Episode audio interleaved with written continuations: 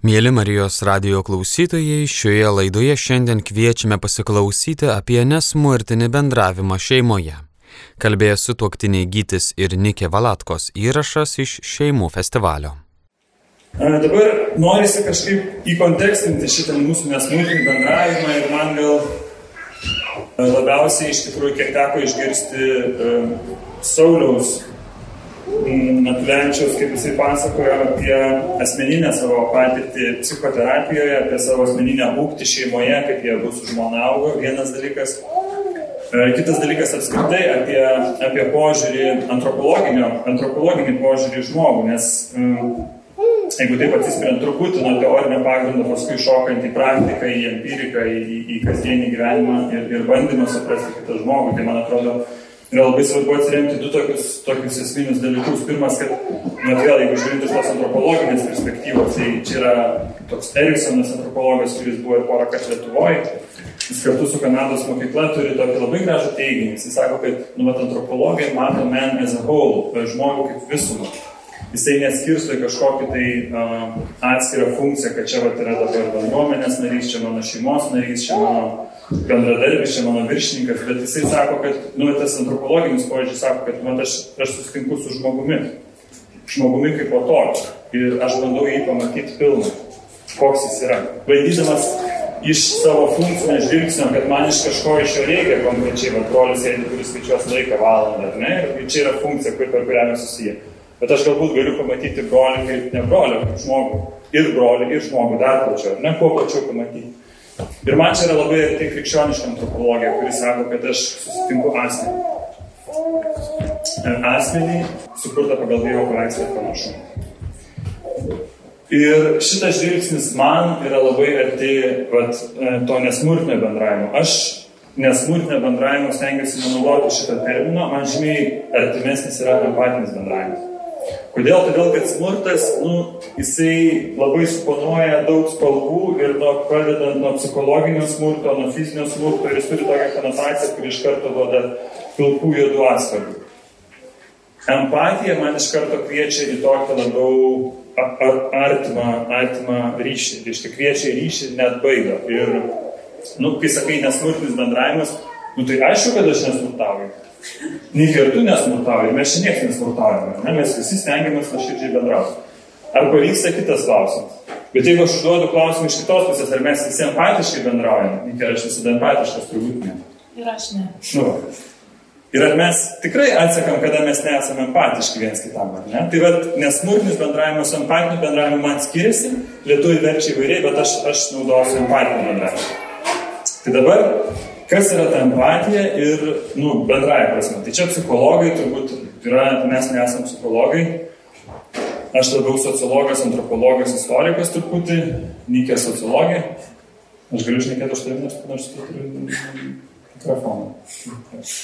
Nu, va, tai, e, tai mes nesame psichologai, tai mes kažkaip čia labai daug nesigilinsim, bet iš esmės turbūt visi suprantat, kad empatija tai yra bandymas, noras suprasti kitą žmogų va, toks bendras apibrėžimas, kur turbūt čia didelių išvedžiojimų nereikia ir jisai yra 20 amžiaus a, įvestas į, į, į, į apyvartą maždaug viduryje. Čia yra amerikiečių, man atrodo, psichologijos mokykla, kuri labai stipriai praktiškai pradėjo taikyti tam tikrus europiečių a, terminus ir, ir, ir, ir matuoti juos, bandyti ir taip toliau. Tai, va, tai čia yra 20 amžiaus vidurio toksai įdarbintas terminas. Nu va, ir kuris reiškia bandymą suprasti kitą žmogų, bandymą prie jo priartėti. Tai su tokiu empatijos supratimu aš daug dirbu su žmonėmis, aš dirbu mokykloje, mokyklose, dirbu su mokymais, įvairiais renginiais, patiriminiais ir taip toliau. Ir aš važiavau į šitus mokymus kaip empatinio bendravimo mokymus, kur aš pagalvojau, nu, va, aš dar naują būdą, įrankį rasiu bendrauti su kitais žmonėmis. Dar vienas dar vieną tradiciją, kažkaip papildyti savo arsenalą. Ne? Moku taip, moku taip, tai čia dar trečiai išmokau. Ir buvo lektoriai iš Švedijos, kuri dirba apie, apie 15 metų su, su, su, su ta tradicija. Paprastai žmonės, jeigu taip nori tapti lektoriais, turi 10 metų mokytis, kad, kad galėtų kažką tai kitam pasakyti. Tai mes jau mokomės pusantrų metų, tai esame labai spartai dideli.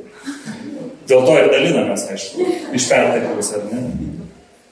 Nu va, Tai aš išvažiavau mokytis į tos mokymus, kur, kur galėčiau bendrauti su kitu. išmokta tobulinti savo gebėjimus ir, na, ir pirmą dieną, kaip čia liaudiškai sako, iškirto mane, o kaip gražiai pasakyti, buvo liūdna. Kodėl? Todėl, kad aš supratau, kad empatija yra labai gerai, bet kol nėra empatijos savo, iki kito yra labai toli. Ir čia prasidėjo įdomioji kelionė, kai aš supratau, kad aš smurtauju prieš save. Ne prieš, ne prieš kažką kitą. Tai man vėl atėjo ta graži antropologinė aksioma, kad pagal Dievo paveikslą panašumą aš turiu pažinti pirmiausia save, kad aš galėčiau kurti empatinį ryšį su kitu. Ir čia prasidėjo sunkioji dalis, nes aš, ne mes, jūs tai ne aš, aš labai noriu greitai ir efektyviai bendrauti, pasiekti rezultatų, būti sėkmingas, bet kartais pritrūkstu laiko savianalizai, savirefleksijai, kažkokiam dalykam pasidėlioti laiko savo ir taip toliau. Tai va, tai šita tradicija mane sulėtino. Žodžiu, prieėjau prie išvados, kad jeigu nori mėgsti empatišką ryšį, e, turi pirmiausia būti empatiškas savo.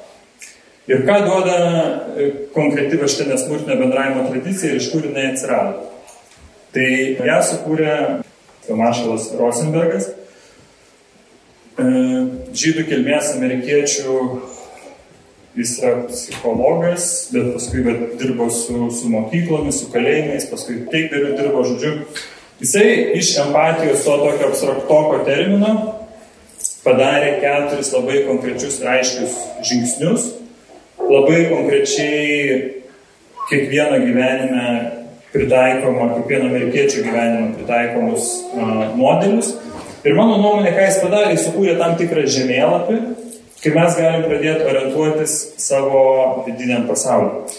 Tų žemėlapių yra tikrai daug, tikrai ne vienas, pavyzdžiui, psichoterapija, individuali arba grupinė, okei, okay, yra tas kelias, yra kitas kelias, žodžiu, yra daug kelių, bet tai yra tas kelias, kurio mūsų šeima šiek tiek naudojasi ir mes padaliname. Kita vertus, jis sukūrė nu, vidinio, vidinio organizmo žodyną, e, to vidinio pasaulio žodyną, kuris irgi nu, padeda, padeda įsvertinti dalykus. Aš čia daugiau nešnekėdamas perėinu prie to uh, žodyno aptarimo. Pirmiausia, pirmiausia, jis sako, kad uh, prieš pradedant kalbėti apie techniką, reikia uh, nuspręsti keletą labai svarbių dalykų. Pirmiausia, ar aš turiu laiko ir aš noriu išgirsti tą žmogų. Nes tobulas technikos mokėjimas visiškai nereiškia empatijos, tai reiškia tobulą technikos mokėjimą. Empatija reiškia širdies norą, nu, kodėl mes pradėjome nuo širdies, giesmės ar ne, arba aš turiu per mokymus tokius užtėdu akinius. Kad nepamirščiau, ar ne, kad tai yra širdies kelias, reiškia, kad e, visa technika niekais nueina, jeigu mes ateinam su intencija, kad šitas žmogus turi man paklusti, tai, tai yra jau smurtas, kažkuria prasme. Jis negali pasakyti ne mano pasiūlymu, ar ne. Arba aš greitai jį dabar sutvarkysiu, suvadybinsiu, kad taip kaip aš noriu viskas vyktų. Tai irgi nėra empatija, kad ir kaip tobulai aš mokėčiau visokias kalbos vingrybės. Empatija yra, kai aš ateinu su juo pabūti ir su troškimu jį išgirsti ir jį suprasti. Ir e, stiprioji empatijos pusė yra tada, kai aš, žinodamas šituos instrumentus, iškia tą, tą Maršalo Rosenbergo tokią tą kelią, aš jam galiu padėti įsivertinti, kas, kas, kas, kas gali su juo būti. Ar ne taip, ar labai taip, bet jis galbūt net pažįsta, aš, aš kažkaip, kažkiek tą žodyną daugiau pavertęs. Rosenbergo sukurtą galiu, galiu pasakyti, nu, žiūrėk, galbūt tai yra taip, galbūt tai yra, ne, nėra taip, bet mes galim mėgsti empatišką pokalbį. Kitas empatinis dalykas yra labai svarbus, ar aš pasiruošęs išklausyti penkias minutės žmogų, jo nenutraukdamas su savo pasiūlymais, nuomonėm, patarimais arba klausimais. Ir čia, kai mes kalbam per mokymus su tėvais apie tai, prašom pakelt ranką, kas per pastarį mėnesį savo paauglį išklausė penkias minutės, o nenutraukęs. Tai yra, nu, tokia pradžia, ne? Ir aš tikrai noriu ir pasiruošęs iš, išgirsti, kaip jis gyvena. Ir kol kas neturėdamas ką pasiūlyti, tiesiog pabūti su tuo. Labai įdomu mokykloje yra, kai vaikai, pavyzdžiui, kurie iškritinėja iš mokyklos, nes nešioja vadovėlių ir kažkodėl vengia tų pamokų ir kaip per tai, nu, tai, tai aišku, tada pokalbis trunka ne penkias minutės, man ilgiausiai teko ir keturias valandas su vienu vaikinu prabūti. Ir tai klausia, tai koks tavo jausmas kyla, aš, aš apie tai papasakosiu, apie jausmus poreikius, tai jūs. nu sako, aš bijau. Aš bijau tos mokytojas arba to žmogaus. Ir tada, žinot, koks iššūkis yra? Iškomunikuoti tai mokytojai, kad jūs bijo, tai laukti grįžtamo ryšio, kad tai yra gerai. Bet čia, bet čia aš nenoriu jūsų, kaip čia, vėl negražus terminas užgrūzinti, bet visi žino, tai, ką tai reiškia, ne? Nu, va, tai, tai dabar vienas dalykas yra ateinu su empatija, reiškia su noru kitą žmogų priimti tokį pilną, koks jis yra su tuo, kuo jis ateina. Turiu tam laiko, ar ne, turiu, turiu pasiruošęs tą, tą, tą intenciją ir nebijau išgirsti ne. Arba ne dabar, arba nenoriu. Kad neigiamas atsakymas irgi yra empatijos dalis. Aš gerbiu tavo nenoriu, o gal tada norėtum po valandos. Aš gerbiu tavo ne, priimu, bet gal norėtum po rytoj kavos ar kažko. Taip. Nes tai yra pagarba tam vis, vis, visuminiam žmogui. Gerai, dabar uh, pereisiu prie, prie konkrečių žingsnių, ką, ką Maršalas Rosenbergas pristatė. Dabar, kaip aš sakiau, panašiai to empatinio bendravimo mokymas apie 9 metus, vadiniai mokymai trunka mažiausiai 2 arba 3 dienas. Tai supraskite, aš jums bandau tai pristatyti per 45 minutės, tai aš iš anksto atsiprašau, jeigu tai truks, nu tai bus skilėta, tai prasme, tai bus nepilnai, jūs kažko nesuprasit, bet mes būsime aplinkta šiandien ir, ir taip toliau, tai drąsiai klauskit, mes galime apie tai išnekėti. Tai dabar e, Rosenbergas išskiria keturis pagrindinius žingsnius, kuriuos reikia taikyti, arba, nu, tai yra idealus atvejis, jeigu mes sugebame juos taikyti. Pirmiausia yra stebėjimas. Stebėjimas yra iš tiksliųjų mokslo srities. Pirmas yra pastebėti situaciją tokia, kokia ji yra. Ir tai yra sunkioji mokslo dalis ir čia krenta, mes krentam kasdien, dauguma žmonių irgi krenta, nes dažniausiai mes matom dalykus taip, kaip norim matyti. Čia Pavyzdžiui, praktinėse situacijose. Ne, ne, ne kaip viskas gražu, bet kai nelabai kažkas patinka. Aš, pavyzdžiui, dabar šneku, ar nes manęs negerbė. Nu, ir Ernestai iš karto gauna, aš čia dabar iš tavęs eksperimentuoju, atsiprašau, duodu pavyzdį, bet e, sakydamas, kad manęs Ernestai negerbė, aš išsakau savo kažkokį tai piktą jausmą. Bet stebėjimas būtų, jeigu aš sakyčiau, kad Ernestas sėdi prie kompiuterio ir šypsosi. Tai, ką aš matau, aš sakau faktą. Ir tas faktas yra mums abiem objektivus, ar ne? Jinai sėdi prie kompiuterio ir šypsosi, mes visi matom, kad taip yra. Dabar jau nebijau, ačiū. Arba du kavos ant padelio, ne, ne, ne du, du padeliai plastikiniai yra padėti ant suolo, ar ne? Aš matau viskas.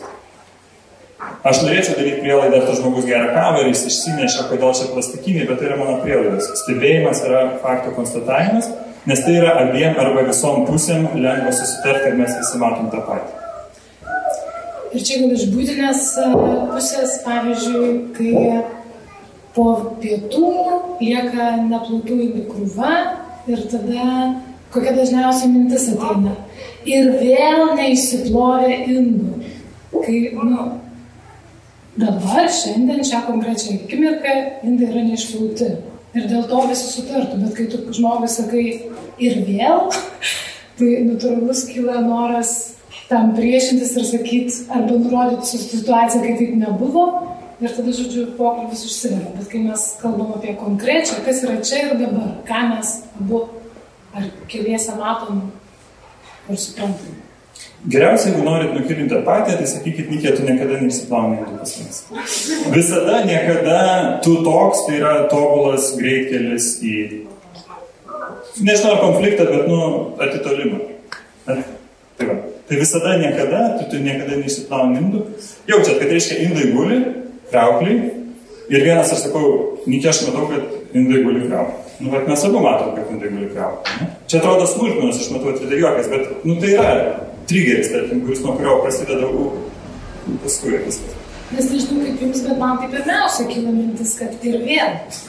Arba niekada. Ir tą pasakyti, ai ne, bet šiandien konkrečiu metu dabar, dabar tai yra. Tai yra žiauriai sunku, bet, e, nu, gal įmanoma, bet, nu, tai dar ne kada nors.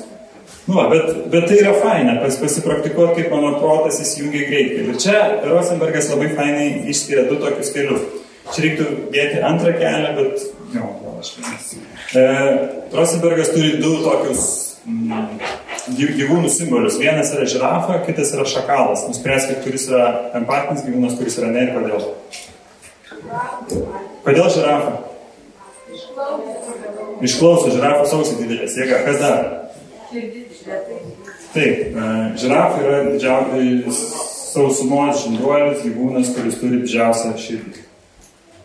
Taip. Ir dar kitas yra, kad e, kaklas labai, galva labai protas labai toli nuo širdies, tai kol eina, tai nusiramina, žodžiu, ir sugeba perimti kitą kanalą. Nu, tai, tai žirafos kelias stebėjimas būtų sakyti, kad aš matau, kad indai yra neplauti.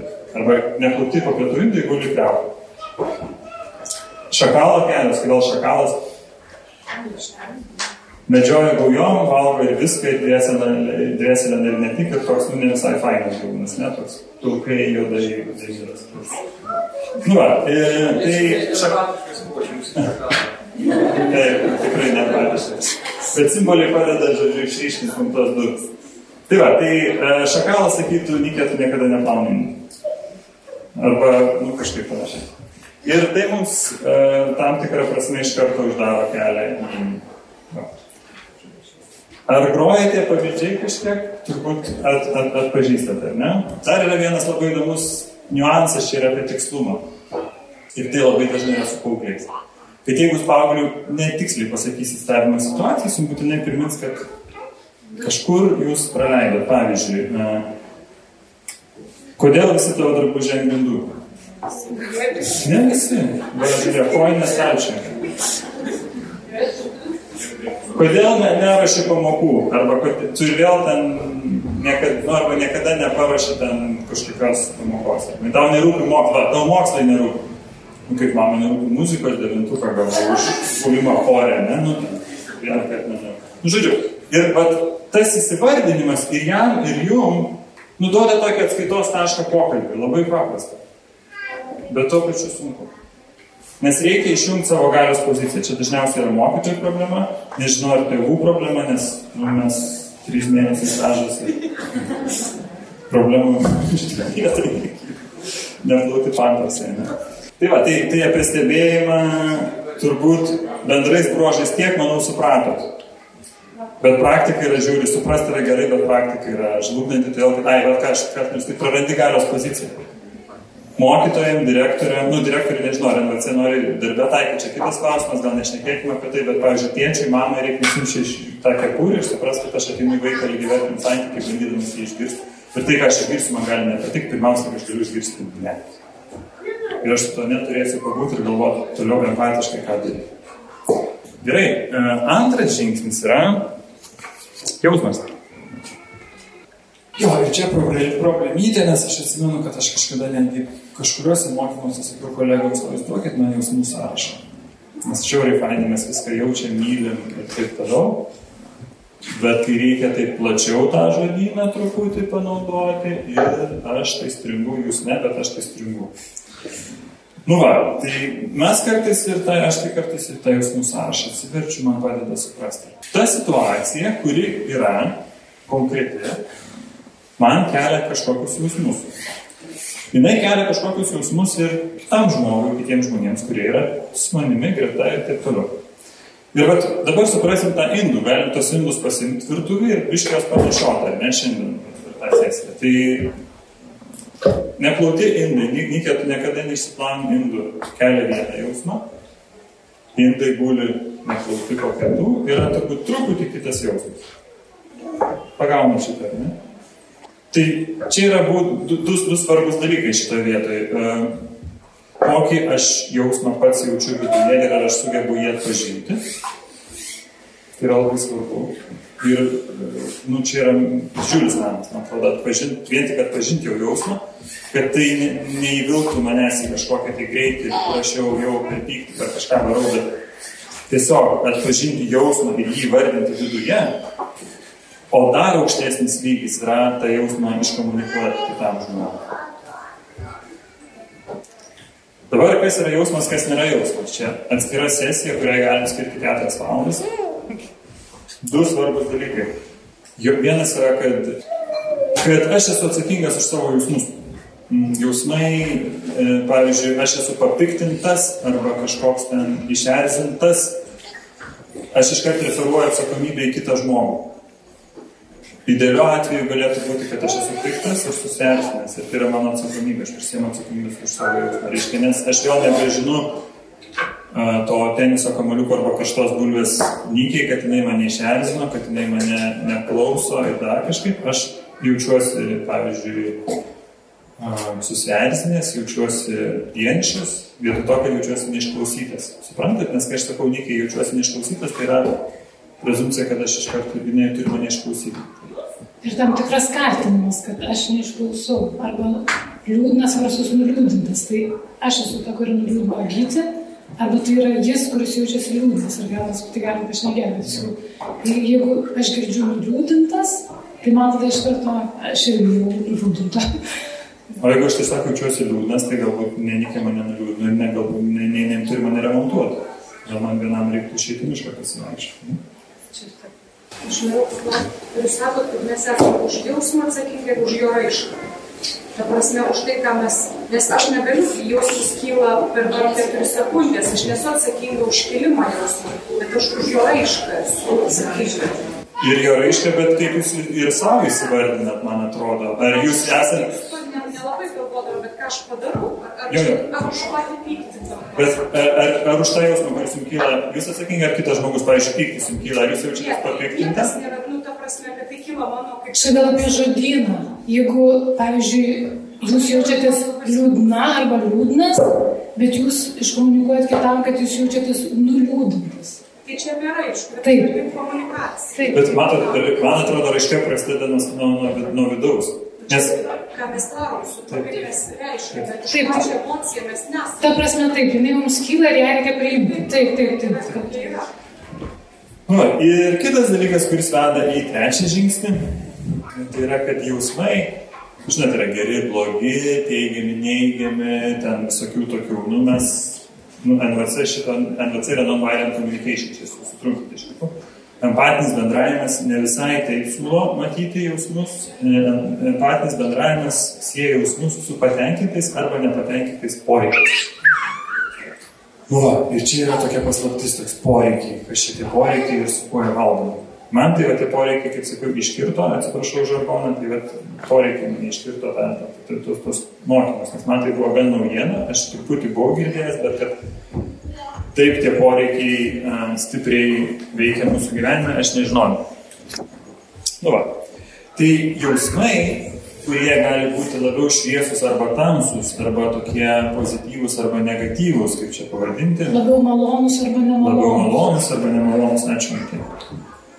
Uh, jie veda į patenkintus arba nepatenkintus poreikius. Dabar uh, šita tradicija mokymo siūlo poreikių sąrašą. Ir jūs po pietų vėl matysit poreikių sąrašą, arba galėsit pasižiūrėti, jeigu norėsit ir dabar. Su poreikių sąrašu irgi galima dirbti dieną, dvi savaitę, savaitę tikrai.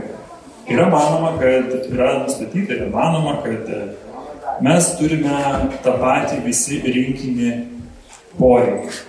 Tai yra universalų žmogiški poreikiai, bet jie išreikšti skirtingai. Ta prasme, kad vienam labiau svarbu viena, kitam svarbu kita. Nu, aš sakyčiau, galbūt, galbūt kažkokia artima metafora galėtų būti žemėlapis. Mes turim bendrą sutartinių ženklų tokį kiekį, ten ežeras, upė, takelis, laukas ir taip toliau. Tačiau mes kiekvienas esame skirtingas žemėlapis, kuriuos tos elementus turim, tik jie yra skirtingo išsidėstymo, skirtingo būdo. Pas vieną daugiau ežerų, pas kitą upę teka, pas kitą daugiau miško, pas kitą pelkės, pas kitą kalnai ir taip toliau, bet mes žodyną turim ir tie poreikiai tikrai yra, nu, atkabinami. Nu, va, tai vadinasi, poreikis yra tai, ką aš galiu atpažinti per jausmą. Iš jausmas mane sutrigerina, aš vėl atsiprašau, naudoju žargoną, bet man atrodo, jis toks darbinis yra geras. Ir man tas jausmas kažkur rodo. Ir klausimas, ar man tas jausmas rodo į kitą žmogų, kuris mane užkniso ir sunervino. Taip, kas sėdė laukia, aš rodau rodomuoju pirštų į nykę. Ar man tas poreikis, ir va čia jau prasideda empatija savo, ar atsiprašau, ar man tas jausmas, kuris kyla, rodo į kažkokį mano vidinį poreikį. Ar aš sugebu jį atpažinti? Ir kaip aš gerai savo vid- vidinį žemėlapį pažįstu? Ir kai kurių poreikių aš galiu būti netenkinęs 10 metų, 15 metų, gal 20 metų ir man gali būti dėl to labai labai liūdna. Tik aš nežinau, kokio aš to poreikio nepa, ne, nepatenkinu. Ir galbūt kitas žmogus, išmanantis va, šitos poreikius, man gali padėti. Ir va tada prasideda empatija kitam žmogui. Ir čia yra labai įdomu, kai yra atskiras pratimas, aš truputį šoku į priekį, bet mes šiandien jo nedarysim, nebent norėtumėt kai yra dialogas, kurį skaitai ir sakai, tarkim, vyras žiūri televizorių, žmona grįžta, sako, tu ten ir vėl nesirūpini, tarara, nu, žodžiu, vyksta konfliktas dialogas ir vyras sako, aš einu su draugais, viskas, pukš, duris išsitrenkia. Ir prieš išeinant pro duris, žmona gali bandyti spėti vyro jausmą to poreikio. Tai yra paskutinis empatijos kablys, kai tu bandai susigražinti žmogų ir bandai spėdamas jo poreikį arba jausmą, kad aš matau, kad tu esi susierzinęs, ar tau trūksta mūsų ryšio, ar tau trūksta bendrystės poreikio, ar tau trūksta pasibuvimo su draugais, ar tau trūksta laiko savo. Žodžiu, bandai iš širdies visiškai be, be proto kažkokio analizavimo, iš širdies suprasti tą žmogų, kad ir jis tau sako ne, kad jis tave siunčia ir taip toliau, bet tu pabandai suprasti. Ar esate girdėję kas nors apie Jūtos programą? Jūtos programa yra Amerikoje programa, kai e, žmonės dirba su paaugliais, paaugliais, kurie ir Britijoje paskui yra įgyvendinama, žodžiu, paaugliai, kurie yra labai iš tokių šeimų, kurie gyvenime patyrė daug traumų, jie yra nuo, nuo, nuo, nuo 13 iki 16-17 metų. Jie yra mėnesiui išvedami iš, iš miško, į mišką, į kalnus, į grubes sąlygas, ten, kurie negali grįžti, negali pabėgti ir taip toliau. Ir dažniausiai yra vienas paauglys ir du suaugę, arba vienas paauglys ir vienas suaugęs. Iškai vienas su vienu eina. Ir tie paaugliai yra nepratę prie dėmesio, tie paaugliai yra nepratę prie iššūkių, prie fizinių iššūkių ir taip toliau. Ir pirmą savaitę yra baisu, jie daro bet ką. Nuo nusirenginėjimo, keiksmažodžių, muštynių, savęs žalojimo ir taip toliau. Kito žmogaus būdas, spėkit, yra koks jais. Koks darbas. Tiesiog būt su juo. Ir jeigu jisai sėdi dieną ir rėkia, keikiasi, tu su juo sėdi dieną ir rėkia keikti. Ir tada galbūt, jeigu jis turi tarpelį kažkokį tai pertrauką, bandai spėti, ar tau pikta, gal tu liūdna, ar tu jauties sutrikęs. Ir tuos sėdi ir mėtai empatijos kablus. Čiuk, čiuk, čiuk, čiuk, čiuk. Bandai spėti to žmogaus jausmus poreikius. Galbūt nors kartą pateikysi ten, kur kuriems skauda arba kur, kuris norės apie tai šnekėti. Jeigu pataikai viskas, turi pirmą šansą turėti ryšį. Tai aš manau, kad jūsų, čia aš tą kraštutinį variantą, kad jūs suprastumėte turbūt. Bet iš esmės, nu, bet toks, toks, toks yra modelis, pavyzdžiui, darbo su tais jau, nu, atitolusiais, tarkim, nuo, nuo, nuo, nuo visuomenės, nuo to empatinio bendravimo paaugliais, bet, bet šeimoje tai irgi yra gerai ir, ir, ir, ir, man atrodo, dirbant kiek man tai irgi spėjant, tiesiog ir su kitais kolegomis, suaugusiais žmonėmis, nebūtinai paaugliais irgi yra. Pamačius žmogų, kad jis yra kažkoks sutrikęs, liūdnas, pavargęs, pabandyti spėti. Pavargęs, nu neatspėsi, bet jis galbūt pajus tą rūpestį, ar ne? Tai va, tai poreikių žemėlapis yra toksai, nu, platus ir poreikiai yra, yra, yra įvairūs ir, ir pas žmonės jie išdėlioti skirtingai Ir čia labai sunku kažką tai pasakyti, nes turbūt tada reikia net į gilį kalbėti apie kiekvieną poreikį. Kas man turbūt yra svarbu buvo labai išgirsti, kad pavyzdžiui nėra gerų, blogų poreikių, nėra šviesių, tamsių poreikių. Man buvo turbūt atrasti, kad atmūta lektoriai išaiškina, kad gėdėjimas, pavyzdžiui, kur mums atrodo vienas iš tamsiausių poreikių pabūti po kažkokios netekties. Ir iš tikrųjų yra šviesus. Kai pagalvoji, jeigu tu sąžininkai su juo susitinki ir pabūni, Tai gedėjimas gali būti šviesus, jeigu tu jį tai pasižiūrėjai. Tai aš tada, bet man prasitrynė vėl ribos, kaip ir su jausmais galbūt yra toksai, kad ne visai čia geri, blogi, jeigu supranti, kad tai veda į poreikius nepatenkintus, taip ir su poreikiais, turbūt kuo jis labiau užspaustas, kuo jis labiau nepatenkintas, kuo aš labiau jo net pažįstu, tuo jis man labiau trigerina, tuo jis man labiau skauda, tuo jis yra arčiau manęs ir tuo aš jo labiau nematau. Ir tada dar labiau man reikia kito žmogaus pagalbos kuris galbūt prieės galėtų pasakyti, žinai, aš tai matau tavį šitą. Gal sakyti, ne, man tai ne, ne, neskamba ką. Arba, žinai, jo, sakai taip. Ir vad kas yra empatijos ratai, kai sako, duokit kitam žmogui empatijos, tai pavyzdžiui, yra NBC grupės, prasideda Lietuvoje iš tikrųjų. Būrelis žmonių sėdi, 8-9 žmonės, tarkim, ir vienas dalinasi ir nesupranta, kas jo vyksta, pasakoja, kaip situacija užsivėlus, pasakoja, pasakoja. Ir tiek ta grupė klauso empatiškai. Penkias minutės, jeigu reikia 10, jeigu žmogus sugeba išnekėti 15, tai niekas nenutraukus išneka. Ir tada visi grupės, arba tie žmonės, kurie nori pasidalinti tą empatiją, sako, aš tai širdimi jaučiu, kad gali, gal, galbūt va, tas jausmas arba tas poreikis man atrodo. Vienas pataiko, kitas ne, bet jeigu iš trijų ar penkių, nors vienas pataiko, žinot, tam žmogui yra didelis atradimas, jam padeda įsivardinti, tai kas, kas su juo vyksta, jeigu jis pats ir nesupranta. Tai, va, tai, tai, tai tikrai yra, nu, praturtinantis dalykas. Tai apie poreikius iškart galim pašnekėti ir mūsų šeimoje, nes turbūt man asmeniškai poreikiai buvo didžiausias iš to, šito mokymo atradimas ir mes ties to vis dar kapstomės, aš tai tikrai.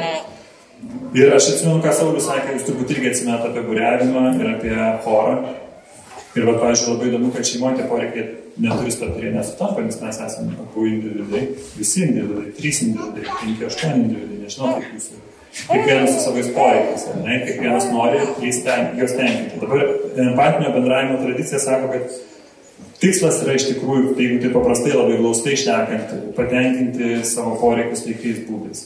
Iškia, aš jeigu noriu būriuoti, tai aš turbūt negaliu parduoti namo ir pirkti jachtus Bet e, aš turbūt palauksiu, kada galėsiu nusipirkti jachtą arba ją pasistatyti ir plauksiu. Turiu, turiu minį, kad aš noriu patenkinti savo poreikius visais įmanomais būdais, ne, nežalodamas kitų žmonių. Ir kai mes kalbam apie poreikius, kažkuria prasme tada atsiranda toksai prieskonis, aha, tai čia individualizmas, aš čia noriu tik savo ir taip toliau. Bet jeigu aš noriu asmeniškai aukti, tame yra individualizmo, tame yra savo poreikių pripažinimo ir atpažinimo. Dabar koks yra praktinis, praktinis dalykas, tai kad, nu, vat, mes sunikė, kai būna sunkios situacijos, kai atsitveri tą tylos sieną, kai būna dalykai, tai kažkaip mes pradedame nuo poreikio. Nu, tai koks tavo poreikis nepatenkintas, jeigu tau liūdna arba kažkas blogai. Ir tada po truputį, žinot, alkūnėm į slenkantį šlaitą užsikakstai ir po truputį per tos poreikius bandai grįžti ir sakai, nu tai mano, tai aš jau overflow su tai žmonėm ir man per daug renginių, per daug mokyklų per daug mokymų, aš noriu vienas pabūt. O tada nikai kas būna? Aš sėdžiu su vaiku namie ir man nori su žmonės išeiti. tai va, tai tada kažkaip bandai aš. Ir tada va, ateina paskutinė, paskutinė ta stadija, vadinkim, žingsnis paskutinis. Tai yra prašymas. Ir čia mes mokomės formuluoti kažkokį prašymą, kuris irgi turi savo tam tikrą tvarką. Aš bandau taikiai suformuoluoti prašymą, tai ko aš norėčiau. Aš matau kažkokią situaciją, kuri mane trigerina, tada man kyla jausmas kažkoks, tada, kuris veda mane į kažkokį patenkintą arba nepatenkintą poreikį. Ir idealiu atveju e, aš, jeigu savo tai pasakau, ką aš norėčiau daryti viduj, tačiau nu, aukštas lygis. Čia jau kosminis lygis, kai aš tą sugebu iškomunikuoti. Čia galim gal trumpai švendės pasakyti pavyzdį. Pavyzdžiui, jeigu stebėjimas, tai aš matau neplautus indus šią konkrečią akimirką, jie yra e, kreukliai, jausmas. Aš jaučiuosi pikta, nes yra nepatenkintas mano tvarkos poreikis. Man patinka, kai indai yra išplauti. Ar mes galėtume sutarti, kad e, šiandien galbūt aš išplausiu indus, o rytoj tu išplausi indus. Man būtų taip smagiau, aš nesijaučiau pikta, ką apie tai manai tu. Ar tau tinka toks planas? Čia yra sunkioji dalis, aš galiu sakyti, aš dabar sakyčiau žinoma, kad taip, nes tu viską gražiai pasakai. Bet aš galiu sakyti ne, nes mes rytoj einam futbolo žaisti su draugais. Ir, vat. Ir Nikė turi tą nepriimti. Čia yra sunkiausia dalis. Kai tu atrodo viską tobulai padarai ir tos keturis žingsnius kulveršiais kažkaip iš, iš, iš, išspaudai, išgirsti paprastą ne. Aš džiaugiuosi, kad tu patenkinsi savo bendrystę su draugais poreikį, bet norėčiau, kad atsižvelgtum ir mano tvarkos poreikį. Ir žinot, kad dabar širpuliukai vaikšto kodėl? Todėl, kad Nikė man parodė empatijos. Suprantat? Jis galėjo sakyti, tu esi pip, pip, pip, nes tau nerūpi pip, pip, pip. Ne? Šeima nerūpi, nes, nu, žodžiu. Nu, aš suprantu šitą greitį, šakalą varo. O Nikė ką padarė, jinai man gražino empatiją. Jis sako, aš suprantu, kad tu reikia patenkinti mano poreikį, savo poreikį atsiprašau, e, ten pabūti su draugais, pasportuoti kažką, bet tada jinai iškomunikuoja savo poreikį. Tai mes jau esame čia, mes nebesam, suprantat, mes ne, nebekalbam apie indų neišplovimą, mes kalbam apie poreikį. Ir aš tada girdžiu, kad jeigu jinai iš tikrųjų su, su dukrytė sėdi mėnesį laiko, o aš esu žmonės, tai tikrai mano poreikis yra mažiau svarbus. Ir še, šeimos, mūsų bendrystės prasme, Nikės poreikiai yra svarbiau įgyvendinti, tai aš sakau, okei, okay, tai tada aš nebūsiu, o tu sustark su draugė ir daryk kažką kažkaip. Jo, čia gal svarbu, kad tie poreikiai vis tiek nori, nenori, jų yra daug, bet sudaryti kažkokią hierarchiją, kokie yra tie pamatiniai, kur man jau tiek skauda, kad nu aš jau pastoviai esu pasyvio agresijai, pavyzdžiui, šiuo atveju gyčio atžvilgiu, nu, kur man jau verda, aš jau, nu, o kur tie, kur aš gal kartais užtenka įsivardinti. Ir kai įsivardinti kartais gerai, aš turiu šitą poreikį, dabar aš jo negaliu patenkinti, tarkim, ten gėduot chore, bet aš jį turiu, aš jį prisimenu ir aš jį, kai turėsiu galimybę, galiu daryti mažus žingsnius link to, bet jau man asmeniškai vienas įvardinimas savo poreikių ir pamatymas, ką aš galiu, ko negaliu dabar gyvendinti, arba pasidalinimas su gyčiu, kad jis irgi žinotų, kame aš, kame aš esu, jis jau išlaisvina. Lygiai taip pat, kiek šitus žingsnius galima praeiti garsiai, kalbant šeimoje, kartais man jie asmeniškai padeda savo pasakyti apie ką tą situaciją. Ne visą laiką yra progų pasakyti kitam žmogui viso šito, e, visų šitų žingsnių, ne visada gali taip atvirai galbūt pasakyti, bet pačiam savo, užbūt sąmoningai, kas atsitiko, kas yra kokia ta situacija, koks jausmas, iš kur tas jausmas ir ką aš galiu padaryti. Man kartais pykti mano vienas įvardinimas, kad tai nėra amžinai neplautingai, kad tai yra konkreti situacija, kad aš pykstu todėl, kad aš svajau būti pavargus ir nu, nenorėčiau tų indų plauti, ir tada, o tai gal aš galiu tų indų dabar neplauti. Kas galvoja, kad jie, nu, tai nieko baisaus, gal svarbiau, kad aš pilsėčiau. Gal tada mano šitas poreikis porsio yra svarbesnis už tvarkos poreikį. Ir tada būti pačiai savo, kad e, smagu, kai yra netvarkinga, bet gal geriau aš pilsėsiu, gytis grįž vėliau išplaustas indus. Nieko baisaus, kad jis dabar išėjęs. Bet tam reikia sustoti, nu, va to tokio sustojimo, nes pirmą pirmą vis tiek tos emocijos paima virš ir tada apie ką, ko, koks poreikis. Tai man vat, kartais gal nebūtinai garsiai, bet pačiai savo pasipasako tuos žingsnius. Tai čia, nu, idealus toks atvejis mums. Kaip kada pavyksta, vis tiek ta pirma reakcija būna visokia. E, aš taip grįšiu truputį apie prašymą, tai ką Rosenbergas sako, apie prašymą, šiaip jeigu turėsit laiko grįžę ar kažkada pagūglinkit arba pajutublinkit labai fainas, toks beveik dvimetrinis vyrukas turi labai daug gerų pavyzdžių apie šeiminį gyvenimą, nes jo praktika yra 20 metų plus to nesmurtinio bendravimo, jis eina poros konsultuotis nuo, jisai dirbo su porom, kurios ten, nežinau, metus susituokusios, pusę metų susituokusios iki Izraelio Palestinos konflikto taikymo. Tai prasme, pas yra amplitudė, pavyzdžių, patirties ir labai įdomu kartais pasiklausyti paskaityti, bet jo yra vienas iš, iš, to pasakymo paprašymą, kad kai šeima išsiaiškina, koks poreikis yra nepatenkintas, prašymas užtrunka suformuoluoti maksimum valandą.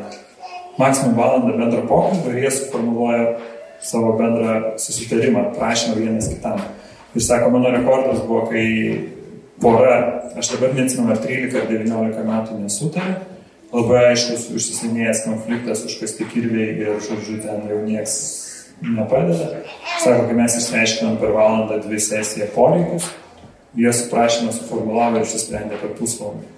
Ir, nu, vat. ir čia gal ne tik, e, ne tik išsiaiškinti poreikius, bet ir kad kitas išgirstų tą poreikį tokį, koks jis yra.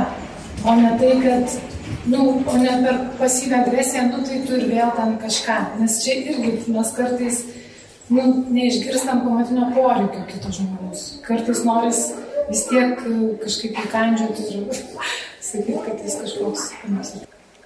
O dabar ant žemės aš nenoriu, kad čia tas būtų toks, nu, irgi, kad čia viskas idealiam modeliui, idealiam pasauliu.